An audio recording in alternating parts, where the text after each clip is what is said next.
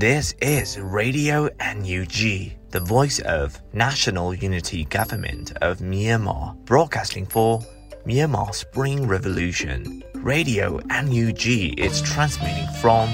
shortwave 16 meter 17.79 megahertz at 8:30 a.m. and 25 meter 11.94 megahertz at 8:30 p.m. Myanmar Standard Time. မင်္ဂလာပါခင်ဗျာ အမျိုးသားညီညွတ်ရေးအစိုးရရဲ့အတန်လွင့်ဌာန Radio NUG ကိုမနက်ပိုင်း၈နာရီခွဲမှာလိုင်းတို16မီတာစက္ကန့်တက်သမ9 MHz ညပိုင်း၈နာရီခွဲမှာလိုင်းတို25မီတာ17တက်သမ6 MHz တို့မှာဓာတ်ရိုက်ဖမ်းယူနိုင်နိုင်ပါပြီ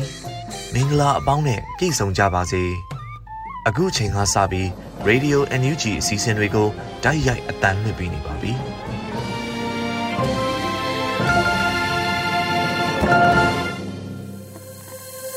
မြန်မာနိုင်ငံသူနိုင်ငံသားအပေါင်းတဘာဝပြီးစိတ်ဟာနာရှင်ပေတို့ကနေကင်းဝေးပြီးကိုစိတ်နှပါပေးကင်းလုံးကြုံကြပါစေလို့ရေဒီယိုအန်ယူဂျီဖွယ်သားများကဆုတောင်းမြတ်တာပို့သလာရပါတယ်ရှင်။ခုချိန်ကစပြီးကာကွယ်ရေးဝန်ကြီးဌာနရဲ့စီရေးသတင်းချင်းချုပ်ကိုတော့နှွေဦးမိုးမှဖတ်ကြားတင်ပြပေးပါတော့မယ်ရှင်။မင်္ဂလာပါခင်ဗျာ။အမျိုးသားညီညွတ်ရေးအစိုးရကာကွယ်ရေးဝန်ကြီးဌာနမှထုတ်ဝေသောနိုင်စဉ်စီရေးသတင်းအချင်းချုပ်များကိုတင်ပြသွားမှာဖြစ်ပါတယ်။ဤသတင်းများကို မြေပြင်သတင်းတောင်ဝန်ခံတွေနဲ့ခံလုံသောမိဖက်သတင်းရင်းမြစ်တွေမှာပေါ်ပြလာသောချက်လက်များပေါ်အခြေခံပြုစုထားခြင်းဖြစ်ပါတယ်ခင်ဗျာပထမဆုံးအနေနဲ့စစ်ကောင်စီနဲ့တိုက်ပွဲဖြစ်ပွားမှုများကိုတင်ပြသွားပါမယ်စကိုင်းတိုင်းတွင်ဇွန်လ22ရက်နေ့ညနေ4:30မိနစ်ခန့်က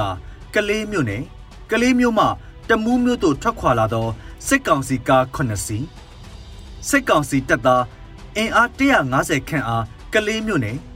နေကျော်လေးအနီးတွင် ပြည်သူ့ကာကွယ်ရေးတပ်မတော်ကလေးခရိုင် PDF တပ်ရင်းကမိုင်းဆွဲတိုက်ခိုက်ခဲ့ရာစစ်ကောင်စီက3စီးထိခိုက်ခဲ့ပြီးစစ်ကောင်စီတပ်သား28ဦးထိခိုက်ဒဏ်ရာရရှိခဲ့ပါတယ်ခင်ဗျာဇွန်လ22ရက်နေ့ကကလေးမြို့နယ်ဟဲလုတ်ကျေးရွာအနီးတွင်စစ်ကောင်စီတပ်သား200ခန့်နှင့်ပြည်သူ့ကာကွယ်ရေးတပ်မတော်ကလေးခရိုင် PDF တပ်ရင်း ပြည်သူ့ကာကွယ်ရေးအဖွဲ့ကလေး CNDF RKDF တို့ထိတွေ့တိုက်ပွဲဖြစ်ပွားခဲ့ရာစစ်ကောင်စီတပ်သား12ဦးသေဆုံးခဲ့ပြီး22ဦးထိခိုက်ဒဏ်ရာရရှိခဲ့ပါတယ်ခင်ဗျာဇွန်လ22ရက်နေ့ကကောလင်းမြို့နယ်ကောလင်းမြို့ငပွေးကြီးရက်ကွက်တွင်ခမရတစ်တစ်တစ်မှတက်ကြက်ကြီးထွန်းလင်းခွင့်ဖြင့်ပြန်လာစဉ်ပြည်သူ့ကာကွယ်ရေးအဖွဲ့ကောလင်းက ဝင်ရောက်ဖမ်းဆီးခဲ့ရာလက်ပစ်ပုံးဖြင့်ပြန်လည်ခုခံ၍ပြစ်ခတ်ခဲ့ပြီးစေးရုံအရောက်တွင်တေဆုံးသွားခဲ့ပါတယ်ခင်ဗျာဇွန်လ21ရက်နေ့ကလေးမြို့နယ်ချင်းဆိုင်ကျေးရွာအနီးတွင်ခလာရ616မှစိတ်ကောင်စီတပ်သား150ခန့်ကိုပြည်သူ့ကာကွယ်ရေးအဖွဲ့ကလေးကမိုင်းဆွဲတိုက်ခိုက်ခဲ့ရာစိတ်ကောင်စီတပ်သား20ဦးခန့်ထိခိုက်ဒဏ်ရာရရှိခဲ့ပါတယ်ခင်ဗျာပဲခူးတိုင်းတွင် ဇွန်လ22ရက်နေ့ကရေတာရှည်မြို့နယ်ဂွေးသေးရွာအနီးသို့ဝင်လာသောစစ်ကောင်စီတပ်သား20ခန့်အားတန်တောင်မြောက်ပိုင်းအဖွဲ့ NTDF နှင့်ရေတာရှည်မြို့နယ်ပြည်သူ့ကာကွယ်ရေးရှားလော့အဖွဲ့တို့ပူးပေါင်းတိုက်ခတ်ခဲ့ပြီးစစ်ကောင်စီတပ်သား9ဦးသေဆုံးကပြည်သူ့ကာကွယ်ရေးတပ်သား2ဦးခြေထောက်ဒဏ်ရာအနည်းငယ်ရရှိခဲ့ပါတယ်ခင်ဗျာဆက်လက်ပြီးစစ်ကောင်စီကျွလွန်သောရာဇဝတ်မှုများကိုတင်ပြသွားပါမယ် မွန်ပြည်နယ်တွင်ဇွန်လ22ရက်နေ့မနက်7:00နာရီခန့်ကဘီလင်းမြို့နယ်စစ်ကောင်စီ 4K စခန်းမှ KNU နယ်မြေဘီလင်းမြို့နယ်မင်းစောကျေးရွာအတွင်းသို့လက်နက်ကြီးများဖြင့်ရည်ရွယ်ချက်ရှိရှိပစ်ခတ်မှုကြောင့်အမျိုးသမီးတဦးဒဏ်ရာရကာအိမ်နှလုံးထိမှန်ပျက်စီးခဲ့ပါတယ်။စစ်ကောင်စီများ၏လက်နက်ကြီးပစ်ခတ်မှုကြောင့်မင်းစောကျေးရွာတွင် နေထိုင်သူအသက်28နှစ်အရွယ်ရှိ နော်မာတက်၏ညာဘက်ခြေခုံအားလက်နက်ကြီးစာထိမှန်ဒဏ်ရာရခဲ့ပြီး၎င်း၏နေအိမ်နှင့်နော်ကော်၏နေအိမ်မှာလည်းလက်နက်ကြီးစာထိမှန်ခဲ့ကြောင်းသိရပါတယ်ခင်ဗျာ။စကိုင်းတိုင်းတွင်ဇွန်လ23ရက်နေ့မနက်3နာရီခန့်ကခင်ဦးမြို့နယ်ဗအိုးကျေးရွာသို့စစ်ကောင်စီတပ်သား80ခန့်ဝင်ရောက်ခဲ့ပြီးကျေးရွာအတွင်းသို့လက်နက်ကြီးလက်နက်ငယ်များဖြင့်ပစ်ခတ်ခဲ့ပါတယ်။ စစ်ကောင်စီများကနေအိမ်များကိုဖျက်ဆီးခဲ့ပြီးမပြေးနိုင်သည့်ရွာသား30ဦးခန့်ကိုဖမ်းဆီးခဲ့ပါတယ်ခင်ဗျာဇွန်လ23ရက်နေ့ကစလင်းချင်းမြို့နယ်ဂုံတော်ကျေးရွာအနီးတွင်ဇွန်လ16ရက်နေ့ကစစ်ကောင်စီများဖမ်းဆီးသွားခဲ့သောလူငယ်အလောင်းနှစ်လောင်းကိုရှာဖွေတွေ့ရှိခဲ့ပါတယ်ခင်ဗျာဇွန်လ22ရက်နေ့မနက်10:50မိနစ်ခန့်ကစကိုင်းမြို့နယ်စက်တောင်မြို့အုတ်ရှိကြီးကျေးရွာရှိ နေအိမ်တလုံးအားဝက်လက်မြို့နယ်မကြီးပြူကျေးရွာမှလာသောစစ်ကောင်စီတပ်သားများကမေးရှို့ဖျက်ဆီးခဲ့ပါတယ်ခင်ဗျာရန်ကုန်တိုင်းတွင်ဇွန်လ23ရက်နေ့ကရန်ကုန်တိုင်းအတွင်းရှိမြို့နယ်များတွင်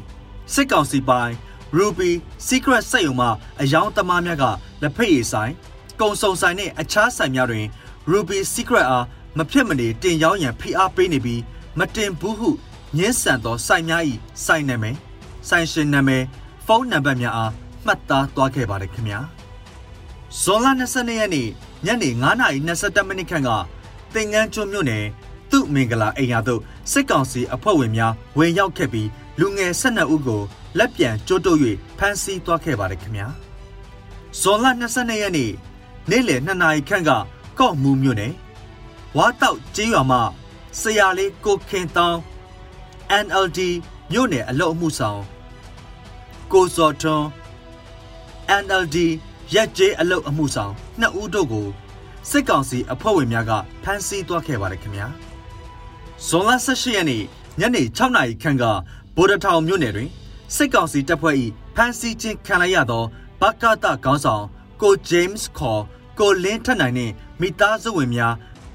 အဆက်အသွယ်ပြတ်နေပြီးဖမ်းဆီးထားသောနေရာကိုစစ်ကောင်စီများကမိသားစုဝင်များကိုအသိပေးခြင်းမရှိကြောင်း သိရပါတယ်ခင်ဗျာ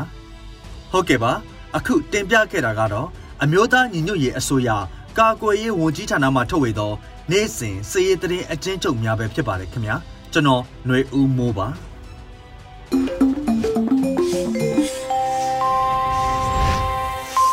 ရေဒီယိုအန်ယူဂျီရဲ့မနက်ခင်းစီစဉ်တွေကိုဆက်လက်တင်ပြနေပါတယ်။အခုတခါနောက်ဆုံးရသတင်းများကိုတော့နှွေဦးမုံမှဖတ်ကြားတင်ပြပေးပါရမရှင်။ မင်္ဂလာပါရှင်။နောက်ဆုံးရပြည်တွင်းသတင်းတွေကိုတင်ဆက်ပေးသွားမှာပဲဖြစ်ပါတယ်။ခုတင်ဆက်မဲ့သတင်းတွေကိုတော့ Radio NUG သတင်းတာဝန်ခံတွေနဲ့ခိုင်လုံတဲ့မိဘသတင်းရင်းမြစ်တွေကအခြေခံတင်ပြထားတာပဲဖြစ်ပါတယ်။ကျွန်မຫນွေဦးမုံပါ။တွေ့ဆုံမှုများမှာရက်လက်ကောင်းများဟာစစ်ကောင်စီအမြင့်ဖြတ်တိုက်ထုတ်ရေးအတွက်ကောင်းမွန်သောစူးစီးမှုဖြစ်တယ်လို့ပြည်ထောင်စုဝန်ကြီးချုပ်မန်ဝင်းခိုင်တန်းကပြောကြားလိုက်တဲ့သတင်းကိုတင်ဆက်ပေးပါမယ်။ တွေ့ဆုံမှုများမှာရလက်ကောင်းများဟာစစ်ကောင်စီအမြင့်ဖြတ်တိုက်ထုတ်ရေးအတွက်ကောင်းမွန်တဲ့စူးစီးမှုဖြစ်တယ်လို့ပြည်ထောင်စုဝန်ကြီးချုပ်မန်ဝင်းခိုင်တန်းကပြောလိုက်ပါတယ်။မိမိတို့အနေနဲ့အထူးဒေတာအုပ်ချုပ်ရေးလုပ်ငန်းစဉ်များအပြင်ပြည်내အတိုင်းအမြံကောင်စီများနဲ့ပါတွေ့ဆုံဆွေးနွေးမှုများမှရလက်ကောင်းများထွက်ပေါ်လာပါကြောင်းထိုရလက်ကောင်းများဟာစစ်ကောင်စီအမြင့်ဖြတ်တိုက်ထုတ်ရေးအတွက်ကောင်းမွန်တဲ့အစူးစီးမှုဖြစ်တယ်လို့နာဂတ်ဖက်ဒရယ်ဒီမိုကရေစီနိုင်ငံတော်ထူထောင်ရေးအတွက်လည်းခိုင်မာတဲ့အုံမြင့်တရက်ဖြစ်တဲ့အတွက်ကြောင့် ဆက်လက်ပူးပေါင်းဆောင်ရွက်သွားကြရလိုအပ်ပါကြောင်းပြည်ထောင်စုဝန်ကြီးချုပ်ကပြောပါရယ်ဂျာကန်လဒေသန္တရပြည်သူ့အုပ်ချုပ်ရေးဖော်ဆောင်မှုဗဟိုကော်မတီအစည်းအဝေးအမှတ်စဉ်19မြင်းဆောင်2022ကိုဇွန်လ23ရက်နေ့ကကျင်းပခဲ့ပါတယ်။ဆက်လက်ပြီးတက်ရောက်လာကြတဲ့အခြားကာလဒေသန္တရပြည်သူ့အုပ်ချုပ်ရေးဖော်ဆောင်မှုဗဟိုကော်မတီအဖွဲ့ဝင်များမှ16မြင်းဆောင်2020တွင်ချမှတ်ထားတဲ့ဆုံးဖြတ်ချက်များရှေ့လုပ်ငန်းစဉ်များနဲ့ပတ်သက်ပြီး ပြီးစီးမှုအခြေအနေများနဲ့ဆက်လက်ဆောင်ရွက်ရန်ကြံရှိတဲ့လုပ်ငန်းစဉ်တွေကိုချပြရှင်းလင်းပြီးနိုင်ငံတကာမှပေးပို့လာမယ့်အုပ်ချုပ်ရေးဆိုင်ရာထောက်ပံ့များနဲ့ပတ်သက်၍ပြည်내အတိုင်းအမြံကောင်စီများလည်းရရှိစေရေးအတွက်စီအမံများချမှတ်ဆောင်ရွက်ရေးကိစ္စရပ်များကိုဆွေးနွေးခဲ့ကြပါတယ်။စီဝေကိုဂျာကန်လဒေသန္တရပြည်သူ့အုပ်ချုပ်ရေးဖော်ဆောင်မှုဗဟိုကော်မတီဥက္ကဋ္ဌပြည်ထောင်စုဝန်ကြီးချုပ်မန်ဝင်းခိုင်တန်းနဲ့အတူ ဗဟိုကော်မတီဒုတိယဥက္ကဋ္ဌတစ်ပြည်ထရေးနဲ့လူမှုကြီးကြပ်ရေးဝန်ကြီးဌာနပြည်ထောင်စုဝန်ကြီးဦးလွင်ကိုလက်အပါအဝင်ဗဟိုကော်မတီအဖွဲ့ဝင်ပြည်ထောင်စုဝန်ကြီးများဒုတိယပြည်ထောင်စုဝန်ကြီးများအမြဲတမ်းအတွင်းများဌာနဆိုင်ရာများမှတာဝန်ရှိသူများတက်ရောက်ခဲ့ကြပါတယ်ရှင်။ကျန်းဖတ်စစ်ဗိုလ်ချုပ်တွေကမထိန်ချုပ်ထားတဲ့နေမြေတွေမှာလူသားချင်းစာနာမှုအကူအညီမပေးတဲ့အပြုအမူကို Energy ဆိုရအနေနဲ့လက်သင့်ခံစရာအကြောင်းမရှိဘူးလို့ဆိုလိုက်တဲ့သတင်းကိုလည်းတင်ဆက်ပေးပါမယ်။ ကျန်းဖတ်စစ်ဗိုလ်ချုပ်တွေကသူတို့မထိန်ချုပ်ထားနိုင်တဲ့နေမြေတွေမှာလူသားချင်းစာနာမှုအကူအညီမပေးတဲ့အပြုအမူကို Energy အစိုးရအနေနဲ့လက်သင့်ခံစရာအကြောင်းမရှိဘူးလို့ပြည်ထောင်စုဝန်ကြီးဒေါက်တာဆာဆာကပြောပါတယ်။ဒီစစ်ဗိုလ်ချုပ်တွေကထိန်ချုပ်ထားတဲ့နေမြေကိုပဲအကူအညီပေးမယ်။သူတို့မထိန်ချုပ်ထားတဲ့နေမြေတွေကိုအကူအညီမပေးဘူးဆိုတော့ကျွန်တော်တို့အနေနဲ့လုံးဝလက်သင့်ခံစရာအကြောင်းမရှိဘူးဆိုတာဒီဇိုင်းမက်မက်ပြောနေတာဖြစ်တယ်လို့ဝန်ကြီးကပြောပါတယ်နိုင်ငံတကာမှာလူသားချင်းစာနာထောက်ထားမှုဥပဒေရှိပြီးဗတ်မလိုက်ရပဲဂျားနေဖြစ်ရမယ်လို့ဝန်ကြီးဒေါက်တာဆဆာကပြောပါတယ် မြန်မာနိုင်ငံမှာလူရေ14တန်းကျော်ကလူသားချင်းစာနာမှုအကူအညီတွေလိုအပ်နေတယ်လို့ UNOCHA ကကြေညာထားပါတယ်။လက်ရှိလူရေ54တန်းရှိပြီး၎င်းလူဦးရေရဲ့ထက်ဝက်ခန့်ဟာစီးရဲတွေနဲ့နေစေဖြစ်ပါတယ်ရှင်။လူဒေါ်လင်းကာလာအတွင်းကြာဆုံးခဲ့ရသူ2012ဦးထိရှိလာပြီဆိုတဲ့အကြောင်းကိုလည်းတင်ဆက်ပေးကြပါမယ်။လူဒေါ်လင်းကာလာအတွင်းကြာဆုံးခဲ့ရသူ2012ဦးထိရှိလာပါတယ်။2021ခုနှစ်ဖေဖော်ဝါရီလ1ရက်နေ့မတရားဆီယာနာလူယူမှုဖြစ်စဉ်ကိုစန့်ကျင်ခဲ့ကြတဲ့ ဒီမိုကရေစီရဲ့လှုပ်ရှားသူများနဲ့ပြည်သူများရဲ့အနူးတော်လှန်ရေးကာလအတွင်းကြာဆုံးခဲ့ရသူစုစုပေါင်းမှ2011ဦးရှိခဲ့ပြီဖြစ်တယ်လို့ AAPP ကထုတ်ပြန်ပါတယ်။ဇွန်လ19ရက်နေ့နနက်9နာရီခန့်မှာစကိုင်းတိုင်းဒေသကြီးတမူးမြို့မြို့မစနစ်မြင်းဆောင်ခါခွေရက်ကွက်ပါဟဲတရအနီမှာဂိတ်ထိုးထားတဲ့ပြူစောထီများမှရက်ကွက်မှာနေထိုင်တဲ့သုံးမင်းရင်မောင်းဦးဝင်းတဲ့ခောက်ရှိကြီးကို ဂိတ်ရှစ်မှာသုံးမင်းကိုရက်တက်မပေးဘူးလို့ဆိုပြီးတော့စိုက်ကဲနဲ့လိုက်ခဲ့ပြီးတနက်နဲ့၅ချက်ပြစ်တက်ခဲ့ပါတယ်။ဇွန်လ23ရက်နေ့ညပိုင်းကလည်းစကိုင်းတိုင်းဒေသကြီးကံဘလူမျိုးနဲ့ထပ်မင်မြို့မှကြေးရွာမှာစီစိန်တိုး73စီဆိုင်ကိုပြူစောတိ9ဦးမှဝင်ရောက်စီးနေခဲ့ပြီးစီဆိုင်ပိုင်ရှင်ဇနီးမောင်နှံ2ဦးဖြစ်တဲ့ဦးကျော်အောင်နဲ့ဒေါ်မြင့်ကြီးတို့ကိုလေဘင်းကိုဓာတ်နဲ့ထိုးပြီးတပ်ဖြတ်ခဲ့ကြပါရရှင်။ မြေတက်ချိန်မှာတောင်သူများစိုက်ပျိုးသည့်နဲ့ရိတ်သိမ်းရန်လောကအခက်ခဲကြုံနေလို့မြို့သမီးစစ်တီတော်တရင်မြောင်ကကုညီရိတ်သိမ်းပေးတဲ့တရင်ကိုလည်းတင်ဆက်ပေးချင်ပါသေးတယ်။မြေတက်ချိန်မှာတောင်သူများစိုက်ပျိုးသည့်နဲ့ရိတ်သိမ်းရန်လောကအခက်ခဲကြုံနေကြလို့မြို့သမီးစစ်တီတော်တရင်မြောင်ကကုညီရိတ်သိမ်းပေးခဲ့ကြပါတယ်။မြေတက်ချိန်မှာတောင်သူများအနေနဲ့စိုက်ပျိုးသည့်နဲ့များရိတ်သိမ်းရမှာလုံအားခေါ်ယူရမှအခက်အခဲများနဲ့ကြုံတွေ့ကြရတဲ့အပြင်စစ်ကောင်စီတပ်ရန်ကိုလည်းစိုးရိမ်နေကြတဲ့အချိန်ပင်ဖြစ်ပါတယ်။ကျမတို့စစ်တီများမှာ ကင်းလန်းချောင်းတာဝန်ယူပေးခြင်းနဲ့အတူရိတ်သိမ်းရတွင်လည်းဖေးမှကူညီမှုနဲ့ဆောင်ရွက်ခဲ့ကြပါတယ်လို့ပြောပါတယ်။မြို့သမီးစစ်တီတော်တရင်မြောင် M2W ဟာစစ်ကောင်စီတပ်များကိုခုခံတွန်းလှန်တိုက်ပွဲဝင်နေတဲ့တော်လှန်ရေးအင်အားစုလည်းဖြစ်ပါတယ်။ကျမတို့ရဲ့သွေးချွေးတို့သည်ဖိနှိပ်ခံပြည်သူလူထုဘဝမှလွတ်မြောက်ရန်အတွက်စူးစမ်းအားထုတ်မှုများဖြစ်စေရမယ်လို့မြို့သမီးစစ်တီတော်တရင်မြောင်ကပြောကြားထားပါတယ်ရှင်။ စလုံးမောင်းမားတွေနဲ့ PDF ရောင်ဆောင်ကငွေလိုက်တောင်းတာကိုမိဘပြည်သူများအနေနဲ့ငွေလွှဲပေးစရာမလိုဘူးလို့ Red We Love Thoughts မို့ကုတ်အဖွဲ့ကကြေညာလိုက်ပါတယ်။စလုံးမောင်းအမားတွေနဲ့ PDF အယောင်ဆောင်ပြီးတော့ငွေလိုက်တောင်းတာကိုမိဘပြည်သူတွေအနေနဲ့ငွေလွှဲပေးစရာမလိုဘူးလို့ Red We Lovers မို့ကုတ်အဖွဲ့ကပြောကြားလိုက်ပါတယ်။စာပစ်ချင်းချငွေတောင်းတဲ့ကိစ္စကိုအရေးယူမှာဖြစ်ပါတယ်။စားထဲမှာမိုးကုတ်မြို့ကန် PDF အဖွဲ့အစည်းကစုပေါင်းပြီးငွေကြေးအလူလိုက်ခံနေပါတယ်။ မြို့ကန်နေကန်ရှမ်းပလောင်တိုင်းသားလက်နက်ကိုင်တွေနဲ့ပူးပေါင်းပို့သည်ဆိုတဲ့အစားပါနေပါတယ်မိုးကုတ်မြို့ကန် PDF ဘယ်နှဖွဲ့ပဲရှိတယ်ဆိုတာပြည်သူများသိပြီးသားဖြစ်ပါလိမ့်မယ်မိမိတို့အခုလိုစာပစ်ငွေတောင်းမှုများကိုဘယ်တော့မှမလုပ်ခဲ့ကြောင်းလုံးမီမဟုတ်ကြောင်းလဲရှင်းနှန်းထုတ်ပြန်ခဲ့ပြီးပါပြီလို့ Red We Levels မိုးကုတ်အဖွဲ့ကပြောပါတယ်မိုးကုတ်မြို့မှာ PDF လို့ဆိုကစာပစ်ချိန်ကြောင်ပြီးငွေတောင်းခံမှုတွေရှိနေပါတယ်။ဆိုပါစာပစ်ငွေညှစ်တောင်းခံမှုများကိုလည်းဆက်သွဲတိုင်ကြားရန် Red We Levels မိုးကုတ်အဖွဲ့ကထုတ်ပြန်ထားပါတယ်။ ခုလိုစာများမိမိတို့အိမ်ရှိရောက်လာခဲ့သည်ရှိသောအရေးမလုပ်ကြပါနဲ့စလုံးမအမားတွေနဲ့ PDF အယောင်ဆောင်ပြီးငွေလိုက်တောင်းတာကိုမိဘပြည်သူများအနေနဲ့ငွေလွှဲပေးစရာမလိုပါဘူးခင်ဗျာလို့ Red Relevers မိုးကုတ်အဖွဲ့ကပြောကြားထားပါတယ်ရှင်။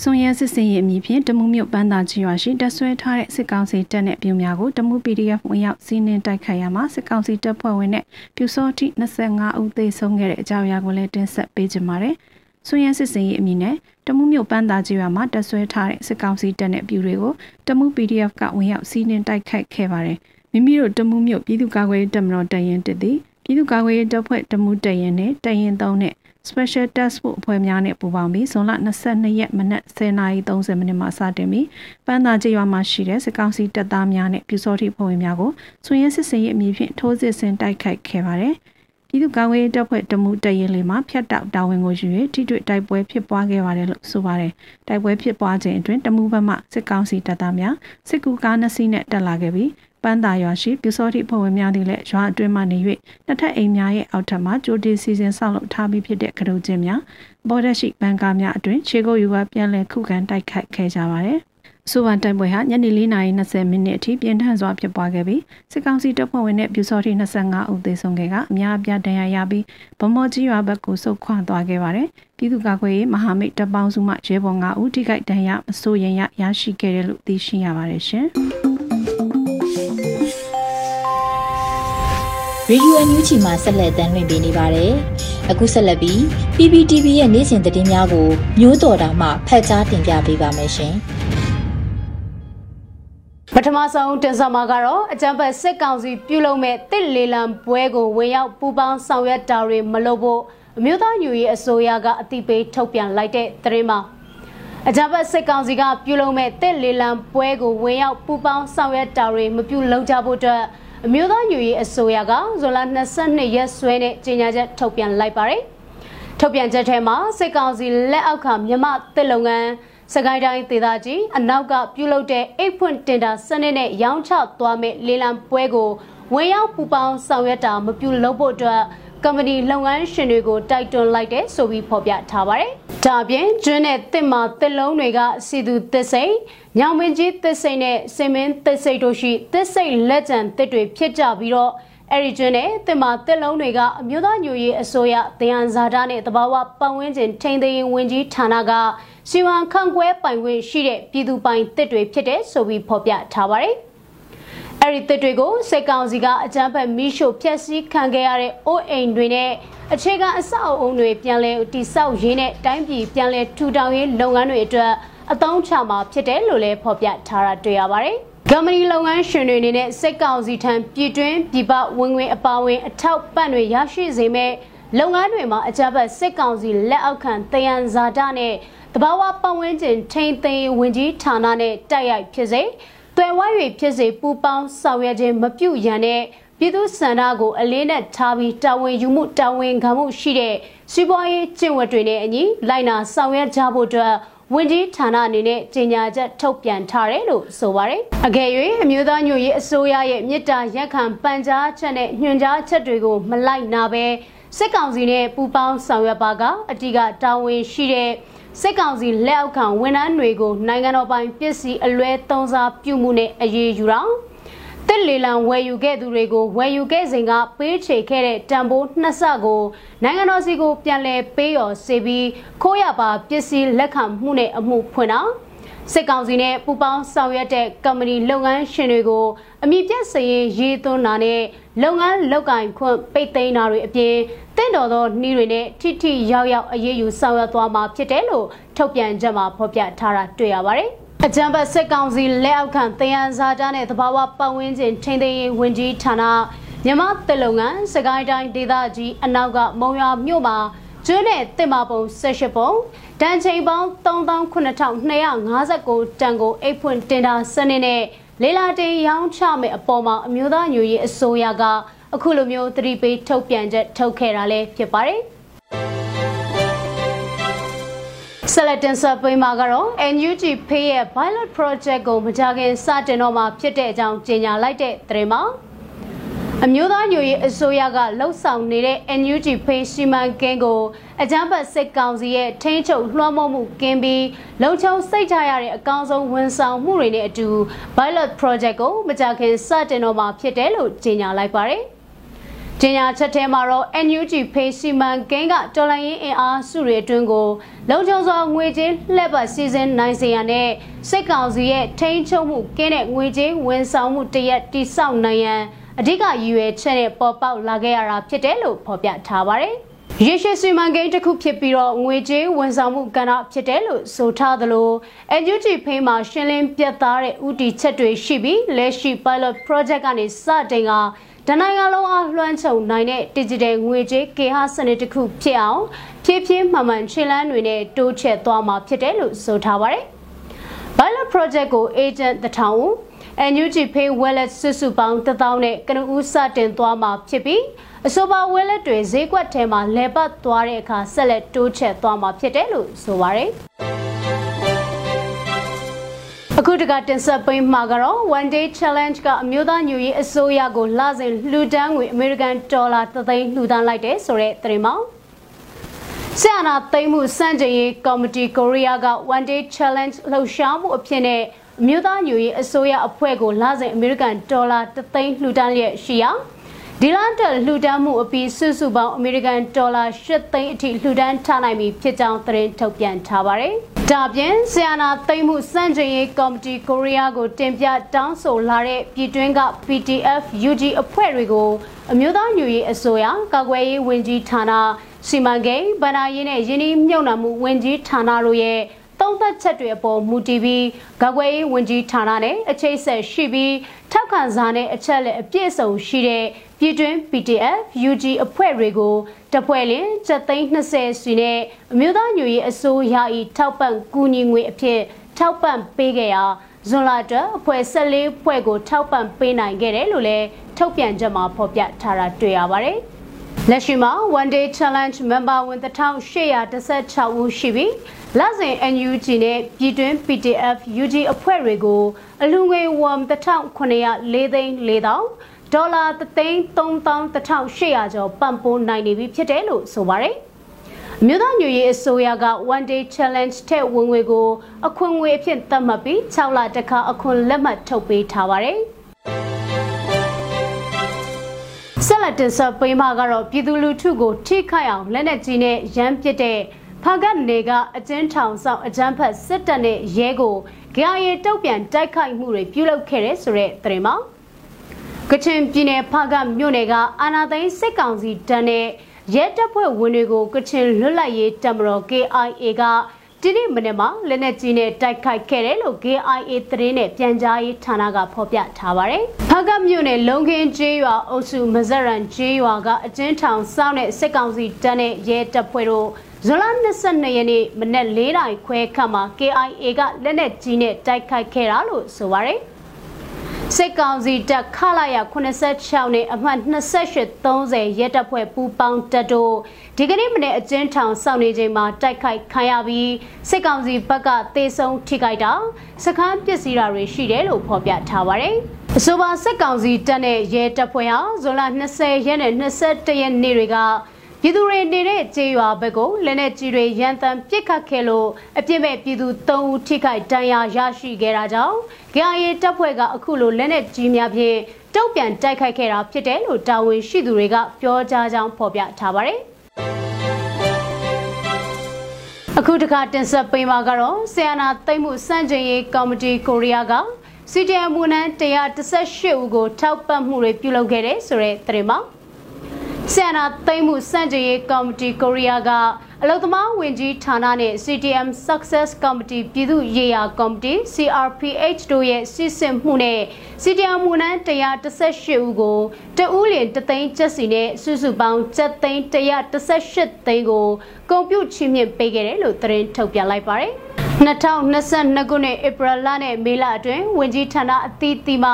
စီဒီအမ်ဝန်ထမ်း144ဦးကိုအလုံသမားဝင်ကြီးဌာနနဲ့ CTM Success Committee ပြည်သူ့ရေးရာကော်မတီ CRPH တို့ပူးပေါင်းပြီးစီမံစည်းကမ်းတွေနဲ့အညီစစ်စစ်ခဲ့ပြီးအတည်ပြု CTM ဝန်ထမ်း132ဦးကော်မတီမှစစ်စစ်တဲ့ပန်ဝန်ထမ်း3ဦးစုစုပေါင်း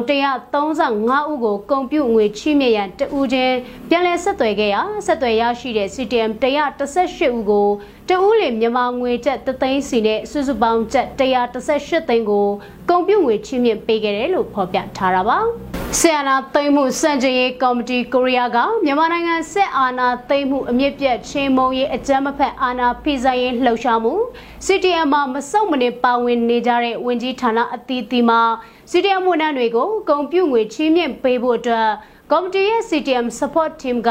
အမျိုးသားညွရေးအစိုးရအလုံသမားဝင်ကြီးဌာနနဲ့ပူးပေါင်းပြီးဆောင်ရွက်နေတယ်လို့သတင်းထုတ်ပြန်ချက်မှာဖော်ပြထားပါတယ်။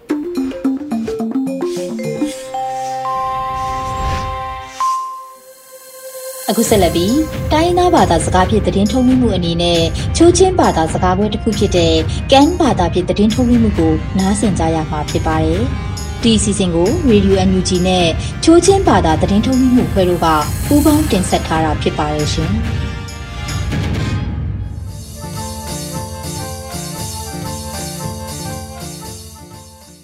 NUG ခရုကန်ရေဒီယိုနမ်ငါယာပုငေပွိပေါ်စခရန်တူငါရက်နာကေဖရုထေကမ်အုံကမ်မာနာကွန်နမ်ရိုင်ဘယောတီလာအလမ်မစကလာနမ်ကုတ်ကန်တူဘုကူကေခါထူထန်ကန်သင်ဝေကုိခေဆာလာကကကူအလမ်မစကောထန်ချင်းလန် Joint Defense Committee ခါกุมทองนี่กุมทองกุมเอ September ทุ่มกิบเนือปะครอคอยขปุยตูปะคุยตูออนอายุง kakraku alam mazuk oi thang chinland joint defense committee kha kum thong ni kum thong kum september thum kip ne pa khro khoi khopui tu pa khoi tu on ajung am up sake bula kraen ctf donzan cno cndf ctf haka ctf thantla ctf menda ctf matupi ctf kambale ctf palewa ctf dai ctf zodong ctf lautu ctf zope ctf holngo MPC CDF Mara CTF KKG on CNA CNF to boke Kropinam Rai Kabla Kraku Rai Kap Thatu Tuk a Not Napa Federal Democracy Ram Thaila Se Eila Pinam Rai Kap tu Kulum Kong Eta Se Na Keila Tu Ne Rai Kap Bola กระกือ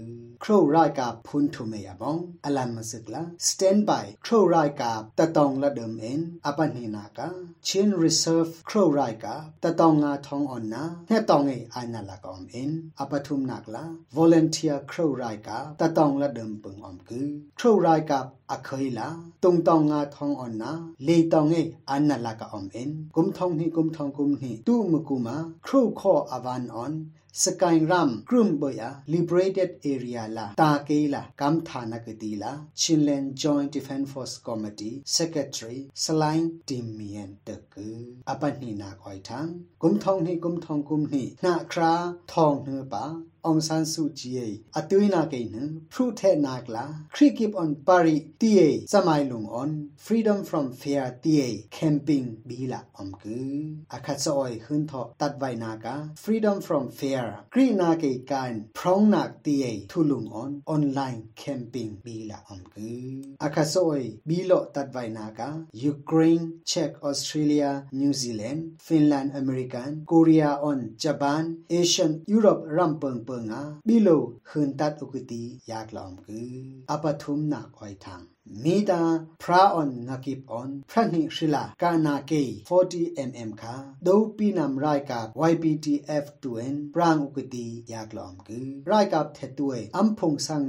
အွန်အဆိုးလမေရိုက်ကာနာကေလာပရန်လကရာအင်အပုမ်ခါငါတင်ဘိုင်အန်ဆက်ယုံထုအမ်ဟူဖိုင်ခရီဟန်လာနိကတိလာယာကလမ်ကူ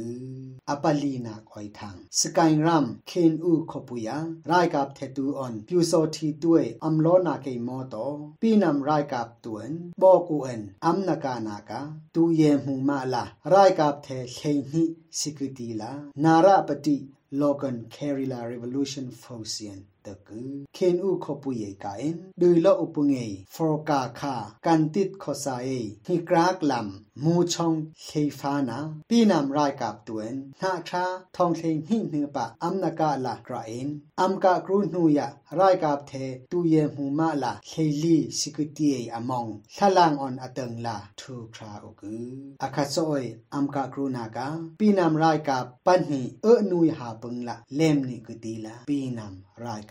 กับตวนเตก็คืออปังานาคอยทางอารกันรัมมรกอุขปุยไฮสคูลกรองซาปทุมออนปีนำทองค่ะนาคราทองหือปะตื่นปึงละราย กับเทตวนโมโตกาปาลีออนปังโลกตีลาอาราเอฟเอ็นเตกือมรกอุขปุยคุ Arakan Army AA Tuan Ampang Kona Tun En Mrok U Khokuya Rai Kap The Tuan Pinam Tu Red Rap Upungen Pang Kutila Arakan Pinam Apumen တကူ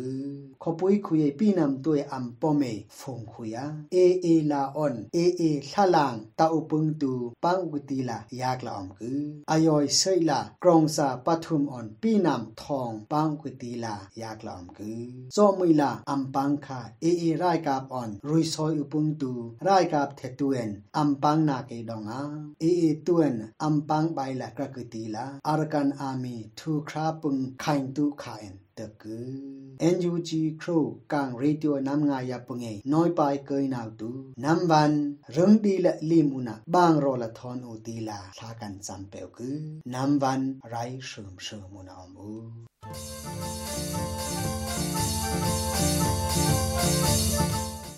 ဒီကနေ့ကတော့ဒီညနေပဲ Radio NUG ရဲ့အစည်းအဝေးကိုခਿੱတရရလိုက်ပါမယ်။မြန်မာစံတော်ချိန်မနက်၈နာရီခွဲနဲ့ည၈နာရီခွဲအချိန်တွေမှာ ပြန်လည်ဆုံးဖြတ်ကြပါစို့။ Radio NUG ကိုမနက်ပိုင်း၈နာရီခွဲမှာလိုင်းဒို16မီတာစက္ကန့်တသမ9 MHz ညပိုင်း၈နာရီခွဲမှာလိုင်းဒို25မီတာ17သမ6 MHz တို့မှာဓာတ်ရိုက်ဖမ်းယူနိုင်နိုင်ပါပြီ။မြန်မာနိုင်ငံသူနိုင်ငံသားများကိုစိတ်နှပြကျန်းမာချမ်းသာလို့ဘေးကင်းလုံခြုံကြပါစေလို့ Radio NUG အဖွဲ့သူအဖွဲ့သားများကဆုတောင်းလိုက်ရပါတယ်။အမျိုးသားညီညွတ်ရေးအစိုးရရဲ့စက်သွေးရေးတရင်အချက်အလက်နဲ့ဤပညာဝန်ကြီးဌာနကထုတ်လွှင့်နေတဲ့ Radio NUG ဖြစ်ပါတယ်။ San Francisco Bay Area အခြေစိုက်မြန်မာမိသားစုများနဲ့နိုင်ငံတကာကစေတနာရှင်များလှုပ်အားပေးများရဲ့ Radio NUG ဖြစ်ပါတယ်